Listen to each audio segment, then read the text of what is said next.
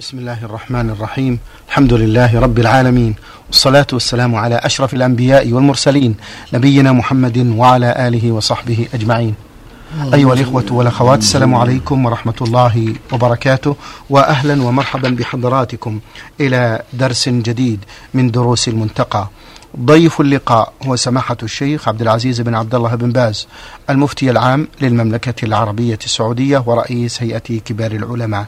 مع مطلع هذا اللقاء نرحب بسماحة الشيخ فأهلا ومرحبا سماحة الشيخ. حياكم الله وبارك فيكم آه، وقف بنا الحديث عند باب صفة الأذان وقال المؤلف رحمه الله تعالى باب صفة الأذان. وروى أحمد وروى أحمد وأبو داود عن طريق محمد بن إسحاق عن محمد بن إبراهيم بن الحارث التيمي عن محمد بن عبد الله بن زيد بن عبد ربه عن أبيه وفيه قال فلما أصبحت أتيت رسول الله صلى الله عليه وسلم فأخبرته بما رأيت فقال إنها لرؤيا حق إن شاء الله فقم مع بلال فقم مع بلال فألق عليه ما رأيت فليؤذن به. فإنه أندى صوتا منك. قال فقمت مع بلال فجعلت ألقيه عليه ويؤذن به. قال فسمع ذلك عمر بن الخطاب رضي الله عنه وهو في بيته. فخرج يجر رداءه يقول والذي بعثك بالحق لقد رأيت مثل الذي أري. فقال رسول الله صلى الله عليه وسلم فلله الحمد. وروى الترمذي هذا الطرف منه بهذه بهذه الطريقة أو بهذا الطريق وقال حديث عبد الله بن زيد حديث حسن صحيح. وعن أنس قال أمر بلال أن يشفع الأذان ويوتر الإقامة إلا الإقامة رواه الجماعة. وليس فيه للنسائي والترمذي وابن ماجه إلا الإقامة. وعن ابن عمر قال إنما كان الأذان على عهد رسول الله صلى الله عليه وسلم مرتين مرتين والإقامة مرة مرة غير أنه يقول قد قامت الصلاة قد قامت الصلاة. وكنا إذا سمعنا الإقامة توضأنا ثم خرجنا إلى الصلاة رواه أحمد وأبو داود والنسائي. وعن أبي محذورة أن رسول الله صلى الله عليه وسلم علمه هذا الأذان. الله أكبر الله أكبر. أشهد أن لا إله إلا الله. أشهد أن لا إله إلا الله. أشهد أن محمدا رسول الله. أشهد أن محمدا رسول الله. ثم يعود فيقول أشهد أن لا إله إلا الله مرتين. أشهد أن محمدا رسول الله مرتين. حي على الصلاة مرتين. حي على الفلاح مرتين. الله أكبر الله أكبر. لا إله إلا الله. رواه مسلم. وللنساء وذكر التكبير في أوله أربعة وللخمسة عن أبي محذورة أن النبي صلى الله عليه وسلم علمه الأذان تسع عشرة كلمة والإقامة سبع عشرة. قال الترمذي حديث حسن صحيح. وعن أبي محذورة قال قلت يا رسول الله علمني سنة الآذان. فعلمه وقال فإن كان صلاة الصبح قلت الصلاة خير من النوم. الصلاة خير من النوم. الله أكبر الله أكبر لا إله إلا الله. رواه أحمد وأبو داود. بسم الله الرحمن الرحيم. الحمد لله وصلى الله وسلم على رسول الله وعلى آله وأصحابه ومن اهتدى بهداه. أما بعد فهذه الأحاديث فيها بيان الأذان والإقامة. ورؤيا عبد الله بن زيد وعمر رضي الله عنهما وأنهما رأيا جميعا الأذان بتربيع تكبير في الأول والتثنية في البقية. ما عدا كلمة التوحيد فهي لا إله إلا الله مفردة. وهذا هو الأذان الثابت عن النبي صلى الله عليه وسلم في الأحاديث الصحيحة. أن يكبر أربعا في أوله ويشفع الباقي الشهادة مرتين أشهد أن لا إله إلا الله وأشهد أن محمدا رسول الله مرتين ويقول حي على الصلاة مرتين حي على الفلاح مرتين الله أكبر الله أكبر لا إله إلا الله. والإقامة كذلك إلا أنها فرادى. ما عدا التكبير في أولها تكبيرتين والتكبير آخرها تكبيرتين. والإقامة تكبير مرتين. قد قامت الصلاة قد قامت الصلاة. هذا هو السنة. وزاد في حديث ابن محذورة إعادة الشهادة مرتين. أولا بصوت منخفض وثانيا بصوت مرتفع. وهذا ثابت من حديث أبي محذورة لما علمه النبي صلى الله عليه وسلم الأذان على أن يؤذن به لأهل مكة. وكلاهما جائز. ترجيع جائز وعدم الترجيع جائز. لكن عدم الترجيع أفضل لأنه هو الأذان الذي بين يدي النبي صلى الله عليه وسلم. هو الذي أذن به بلال ولم يرجع. هذا هو الأفضل. وهو خمسة عشر جملة. وفي حديث أبي محذورة سبعة تسعة عشر جملة لأنه إذا كرر الشهادة مرتين صار تسعة عشر جملة. فإن أذن بهذا أو هذا كله جائز. ولكن الأفضل أذان بلال لأنه هو الأذان الذي كان ينادى به بين يدي النبي صلى الله عليه وسلم. أما الإقامة فإنها إحدى عشرة جملة. كلمة كلمة إلا التكبير أولها مرتين وفي آخرها مرتين. لأنها بالنسبة للأربع كفرد. والإقامة يكررها قد قامت الصلاة قد قامت الصلاة كما علم النبي صلى الله عليه وسلم بلاله اللهم صل عليه وسلم. اللهم صل وسلم نعم. أحسن الله إليكم. سماحة الشيخ حفظكم الله حديث عبد الله بن زيد منام. ومع ذلك اعتمده الرسول صلى الله عليه وسلم. وهنا نسأل هل يعول على الرؤية في الأحكام الشرعية؟ صار سببا للشرعية كانت هذه الرؤيا سببا للشرعية. العمدة على قول الصحيح إنها لرؤيا حق ثم تنفيذه. نعم. إيه. فدل هذا على أن الرؤيا الصالحة يعمل بها إذا وافقت القواعد الشرعية. فلما رآها عبد الله ورآها عمر وصار وافقت الشرع. نفذها النبي صلى الله عليه وسلم. وكانوا قد هموا بالناقوس كما تقدم. نعم. فلما رأى هذه الرؤيا عبد الله بن زيد ورآها عمر أيضا نفذها النبي صلى الله عليه وسلم. قال إنها رؤيا حق صلى الله عليه وسلم. دل على أن الرؤيا الطيبة تنفذ إذا رآها الرجل الصالح. نعم. الله أكبر. سماحة الشيخ حفظكم الله جملة الصلاة خير من النوم هل هي لازمة؟ وماذا على من نسيها وتعدى موضعها؟ هل يرجع ليقولها؟ الواجب أن يرجع أن يقولها يقولها ثم يقول ما بعدها إذا نسيها يأتي بها ثم يأتي بالتكبير ولا إله إلا الله بعدها. لأن الرسول علمها المؤذن فهي تقال في الأذان الأخير أذان الفجر. أه، حفظكم الله سماحة الشيخ قلنا الترجيع والتثويب ما معناهما؟ الترجيع في الصلاة في الأذان والتثويب في الأذان. التثويب قد قامت الصلاة قد قامت الصلاة. نعم. نعم. والترجيع إعادة الشهادتين يعني. يعني يأتي بصوت منخفض ثم يرفع صوته بهما كما في حديث محذورة سماحة الشيخ حفظكم. يسمى ترجيع لأنه رجع إليها قالها ثم رجع إليها رجع. نعم رجع كلامه. نعم. هذا الترجيع نعم. آه، هناك سماحة الشيخ حفظكم الله من يذكر الله ويصلي على الرسول آه، قبل الأذان. وهو فاتح الميكروفون. لا الأفضل لا, لا يتعرض شيء إنما يتكلم بالآن فقط. لا يقال الشيء ولا بعد الشيء كون يلحق به أذكار بعدها أو قبلها بدعة ما يجوز. الواجب الاقتصار على الأذان فقط. فإذا فتحت الميكروفون يبدأ بالأذان فقط. ثم إذا قال لا إله إلا الله يغلقه. تكون الصلاة على النبي صلى الله عليه وسلم بينه وبين نفسه. يسمعه من حوله لا بأس. لكن ما تكون في الأذان ما تكون في المكبر.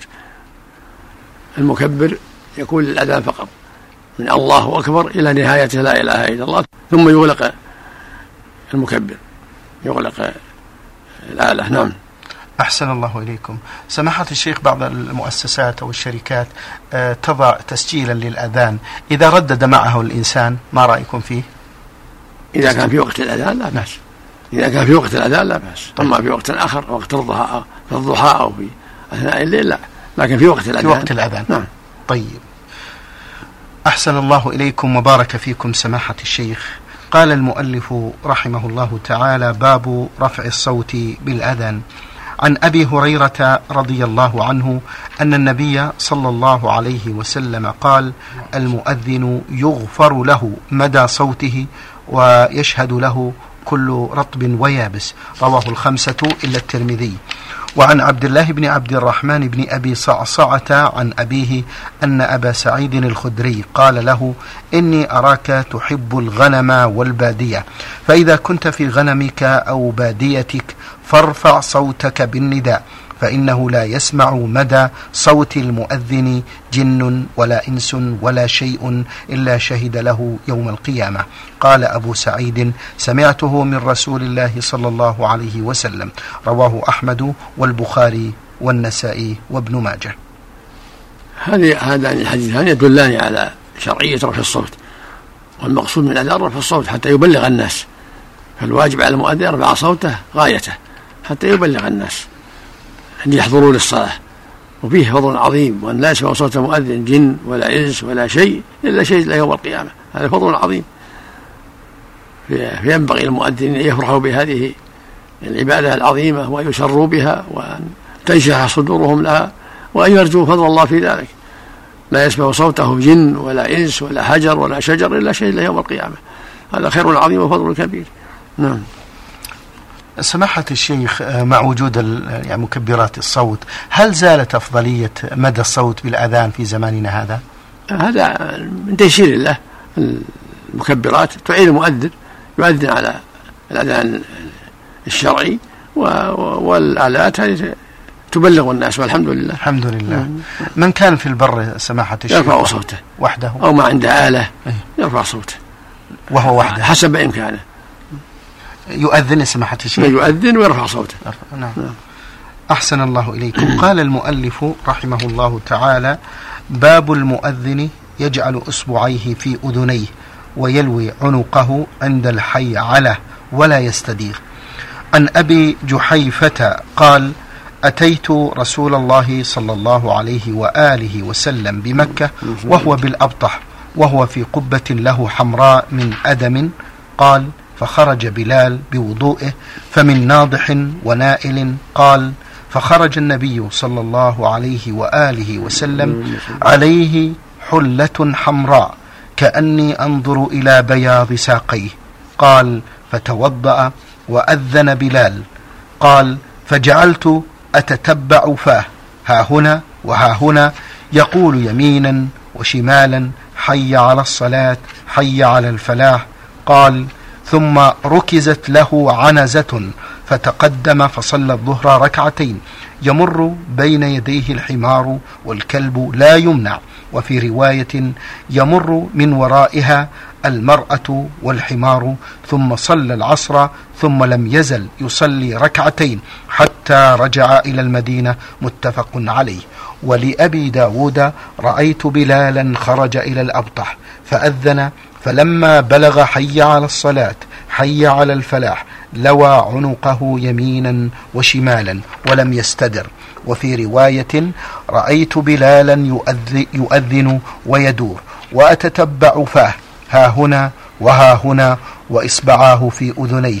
قال ورسول الله صلى الله عليه وسلم في قبة له حمراء أراها من أدم. قال فخرج بلال بين يديه بالعنزة فركزها فصلى رسول الله صلى الله عليه وآله وسلم وعليه حلة حمراء كأني أنظر إلى بريق ساقيه. رواه أحمد والترمذي وصححه. وهذا الحديث برواياته يدل على فوائد. منها رفع الصوت بالنداء ومنها جعل الأصابع في الأذنين ومنها الالتفات يمينا وشمالا. عند الحيالة حتى يبلغ من عن يمينه وشماله. ومنها أن الإمام يضع أمامه سترة وأنه وأن السترة تمنع تأثير المار. وإذا مر المار من ورائها من حمار أو آدمي أو غير ذلك لا يضر كما فعله النبي عليه الصلاة والسلام. فالسترة تمنع ذلك. فالسنة للإمام أن يجعل أمامه سرة من عنزة. والعنزة عصا تركز. لها حربة تركز أمام المصلي. أو جدار أو سارية أو عمود أو كرسي أمامه يحصل به الفائدة. وفيه من الفوائد التشمير وأنه كان يشمر. ما كان يرخي ثيابه. تبدو ساقيه. دل على أن بدو الساقين هو الأفضل. أن أن الرجل يشمر لا يسحب ثيابه ولا يجرها بل تكون فوق الكعبين وتبدو الساق تبدو الساقان كما بدا ساق النبي عليه الصلاة والسلام. وفيه من وفي هذا من الفوائد أنه صلى الله عليه وسلم كان يصلي ركعتين في حجة الوداع وفي عام الفتح لأنه مسافر عليه الصلاة والسلام. نعم. أحسن الله إليكم. سماحة الشيخ لما وفيه أيضا نعم. جواز اللبس الأحمر وأنه لا بأس يكون لباس أحمر قبة حمراء كل هذا لا بأس به. لما خصت الحي على بذلك؟ وما الحكمة من الالتفات؟ لأن فيها الدعوة حي على الصلاة حي على الفلاح. خصت بهذا لأنها كلمة دعوة حي يعني أقبلوا هلموا. يدعى من عن يمينه وعن شماله أن يحضروا للصلاة. أحسن الله إليكم. الفصل الشيخ حفظكم الله الطويل بين جمل الأذان هل يجوز؟ السنة الموالاة السنة الموالاة بين ألفاظ الأذان. والفصل اليسير لا يذر. الفصل اليسير لا يذر لكن السنة الموالاة نعم. وما الحك... وما حكم الكلام بين آه، جمل الأذان شيخ؟ والكلام اليسير لا يضر. إذا كان ما طول الكلام اليسير ما يضر. أحسن الله إليكم وبارك فيكم. قال المؤلف رحمه الله تعالى باب الآذان في أول الوقت وتقديمه عليه في الفجر خاصة. عن جابر بن سمرة قال كان بلال يؤذن إذا زالت الشمس لا يخرم ثم لا يقيم حتى يخرج النبي صلى الله عليه وآله وسلم. فإذا خرج أقام حين يراه. رواه أحمد ومسلم وأبو داود والنسائي. وعن ابن مسعود أن النبي صلى الله عليه وسلم قال لا يمنعن أحدكم آذان بلال من سحوره فإنه يؤذن أو قال ينادي بليل ليرجع يعني يرد نعم, نعم. ليرجع قائمكم ويوقظ نائمكم. رواه الجماعة إلا الترمذي. وعن سمرة بن جندب قال قال رسول الله صلى الله عليه وسلم لا يغرنكم من سحوركم آذان بلال ولا بياض الأفق المستطيل. هكذا حتى يستطير هكذا يعني معترضا رواه مسلم. وأحمد والترمذي ولفظهما لا يمنعنكم من سحوركم آذان بلال ولا الفجر المستطيل ولكن الفجر المستطير في الأفق. وعن عائشة وابن عمر رضي الله عنهما أن النبي صلى الله عليه وآله وسلم قال إن بلالا يؤذن بليل فكلوا واشربوا حتى يؤذن ابن أم مكتوم متفق عليه. ولأحمد والبخاري فإنه لا يؤذن حتى يطلع الفجر ولمسلم لم يكن بينهما إلا أن ينزل هذا ويرقى هذا. هذه الأحاديث تدل على أن الأذان يكون بعد الوقت. الأذان يعتبر للصلاة ودخول الوقت يكون بعد الأذان بعد الوقت. فلا يجوز المؤذن أن يؤذن إلا بعد الوقت. حتى ينتفع الناس بذلك ويعملوا به. ليس له تقديم الأذان. بل متى دخل الوقت أذن للظهر والعصر والمغرب والعشاء والفجر. حتى يعلم الناس أن الوقت قد حضر فيأتوا للصلاة. هذا هو الواجب. وليس له يؤذن قبل ذلك. بل عليه يعتني بالوقت والصبح لها أذانان الأول لتنبيه الناس والثاني لطلوع الفجر. فبلال كان يؤذن قبل الفجر بقليل حتى يرجع قائم الناس ويوقظ نائمهم حتى يعلموا قرب الفجر. ولهذا قال يرجع قائمكم يعني يرد قائمكم عن طول التهجد ويوقظ نائمكم. هذا هو المقصود من أذان بلال وهو يسمونه الأذان الأول. لينتبه الناس لقرب الفجر ثم يؤذن المكتوب بعد طلوع بعد طلوع الفجر. هذا هو المشروع. والفجر في الصادق هو الذي ينتشر. أما الفجر الكاذب الذي يستطيل كالعمود ثم يطفأ يزول. هذا لا لا عبرة به. إنما الفجر الصادق اللي يستطيل يعترض في الفجر ثم يزيد نوره ولا يطفأ. أما الفجر الكاذب فذا يكون طويل في الفوق كالعمود ثم يزول. أحسن الله إليكم نعم. سماحة الشيخ يرى البعض جواز تقديم أذان الفجر خاصة إذا إلى ما بعد نصف الليل ما حجتهم في ذلك؟ لعل السنة يكون قريبا من الفجر. حتى لا يشوش على الناس. طيب. حتى إذا قاموا يستعدوا للفجر. يكون قريب قبل الأذان نصف ساعة آه، ساعة لا بأس. حتى يكون اللي بيتهجد يتهجد آخر الليل يوتر آخر الليل ويعرف قرب الفجر حتى يستعد. كل ما قرب من الفجر فهو أولى. كما قال الحديث ليس بينهما إلا يصعد هذا وينزل هذا يعني قريب. من الناس شيخ من يقول بأن أذان الجمعة الأول لم يكن موجودا على عهد الرسول صلى الله عليه وسلم وكأنه لا يرى مشروعية ذلك. أذان الجمعة معروف ما كان في عهد النبي صلى الله عليه وسلم الأول كان في عهد عثمان. أما الأذان الأول في في صف الفجر فهذا معروف في عهد النبي صلى الله عليه وسلم لكن هل كان مع أذان الفجر من أول وهلة؟ أو كان شوية بعد ذلك؟ المقصود أنه ثبت استقر. أن بلال يؤذن بالليل وابن مكتوب يؤذن بعد طلوع الفجر. وهذا هو السنة. أن يكون قبل الفجر أذان أول ينبه الناس حتى اللي يريد أن يوتر أو يتأهب للفجر يكون عنده ساعة. أما الجمعة لها أذانان. أذان عند دخول الخطيب وهذا هو الثابت في عهد النبي صلى الله عليه وسلم. والأذان الثاني جديد. أحدثه عثمان رضي الله عنه وهو الخليفة الراشد والنبي عليه السلام قال عليكم بسنتي وسنة الخلفاء الراشدين المهديين بعدي وهو منهم. فعمل به المسلمون بعد عثمان رضي الله عنه. قبل الجمعة بقليل حتى ينتبه الناس اليوم الجمعة. نعم. أه، سماحة الشيخ حفظكم الله مر بنا فيما سبق الفجر الصادق والفجر الكاذب. ما علامات ذلك؟ تقدم يعني. نعم. الفجر الكاذب كالعمود ويطفى نعم. والفجر الصادق ينتشر. يعني يمينه وشماله يعترض ثم لا يزال يزيد. نعم. شيخ بعض الإخوان القريبين من المسجد يشتكون من قوة رفع الصوت وإنه يسبب إزعاجا لهم. ما توجيه سماحتكم؟ السنة رفع الصوت حتى ينتبه الناس. السنة رفع الصوت. مثل ما قال أبو سعيد فارفع صوتك بالنداء. السنة رفع الصوت حتى ينتبه النائم وغير النائم. بالنسبة لوضع مؤذنين في المسجد الواحد يا شيخ لا حرج. لا حرج. طيب. نعم. أحسن الله إليكم وبارك فيكم سماحة الشيخ. اللهم صل وسلم. قال المؤلف رحمه الله تعالى باب ما ما يقول عند سماع الأذان والإقامة وبعد الأذان. عن أبي سعيد الخدري رضي الله عنه أن النبي صلى الله عليه وسلم قال إذا سمعتم النداء فقولوا مثل ما يقول المؤذن رواه الجماعة.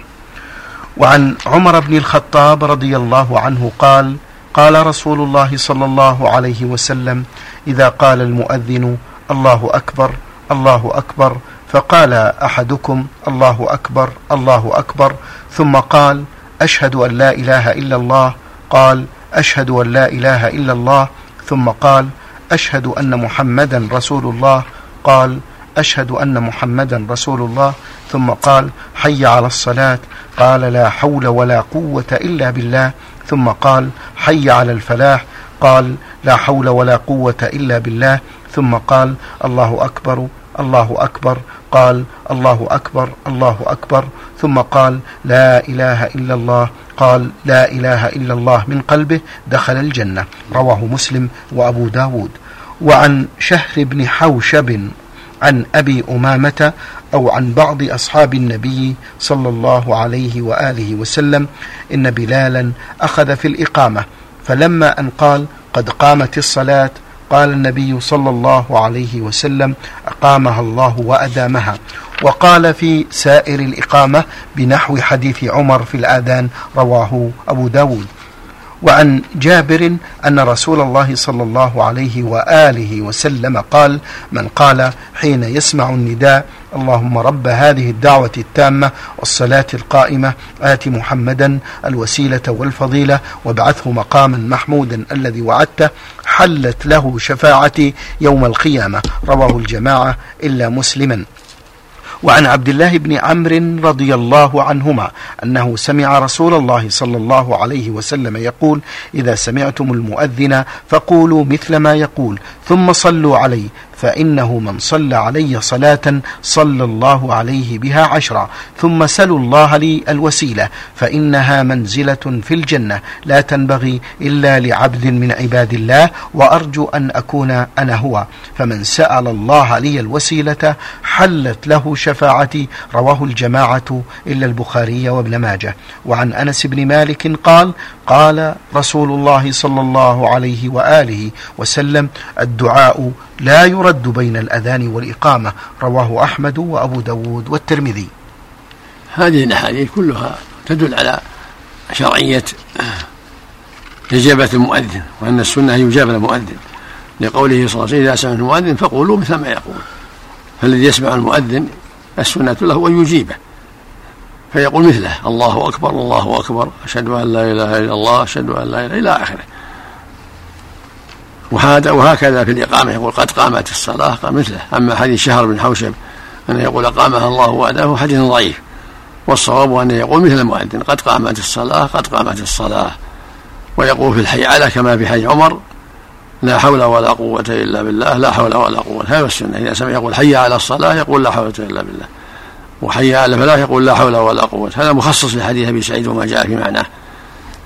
فيقول المجيب مثل المؤذن في كل شيء. إلا في الحيالة فيقول لا حول ولا قوة إلا بالله.